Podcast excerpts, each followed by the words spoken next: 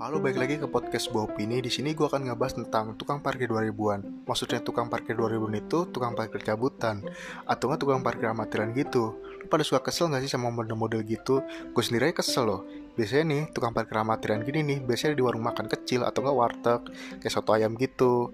Terus paling banter mah ada di Indomaret atau nggak Alfamart.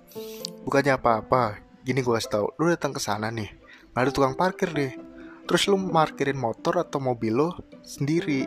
Nah pas lo di warung makan lo tetap ngeliatin tuh motor. Jadi kita kayak sekalian ngawasin tuh motor. Nah pas mau pulang tiba-tiba tukang parkir.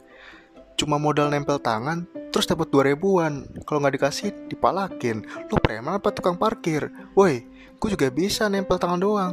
Bayangin gue setiap nempel kendaraan dapat uang itu tangan apa hand of Midas? Yang legenda megang apa aja dapat emas.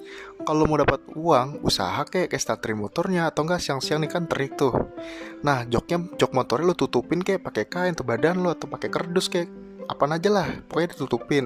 Nah terus keluarin motornya kalau bisa anterin sampai pulang. Nah itu baru setuju gue. Dah gitu aja dah. Lagi pula dengerin podcast ini bukan tukang parkir 2000an jadi dah aku mau makan dulu. Bye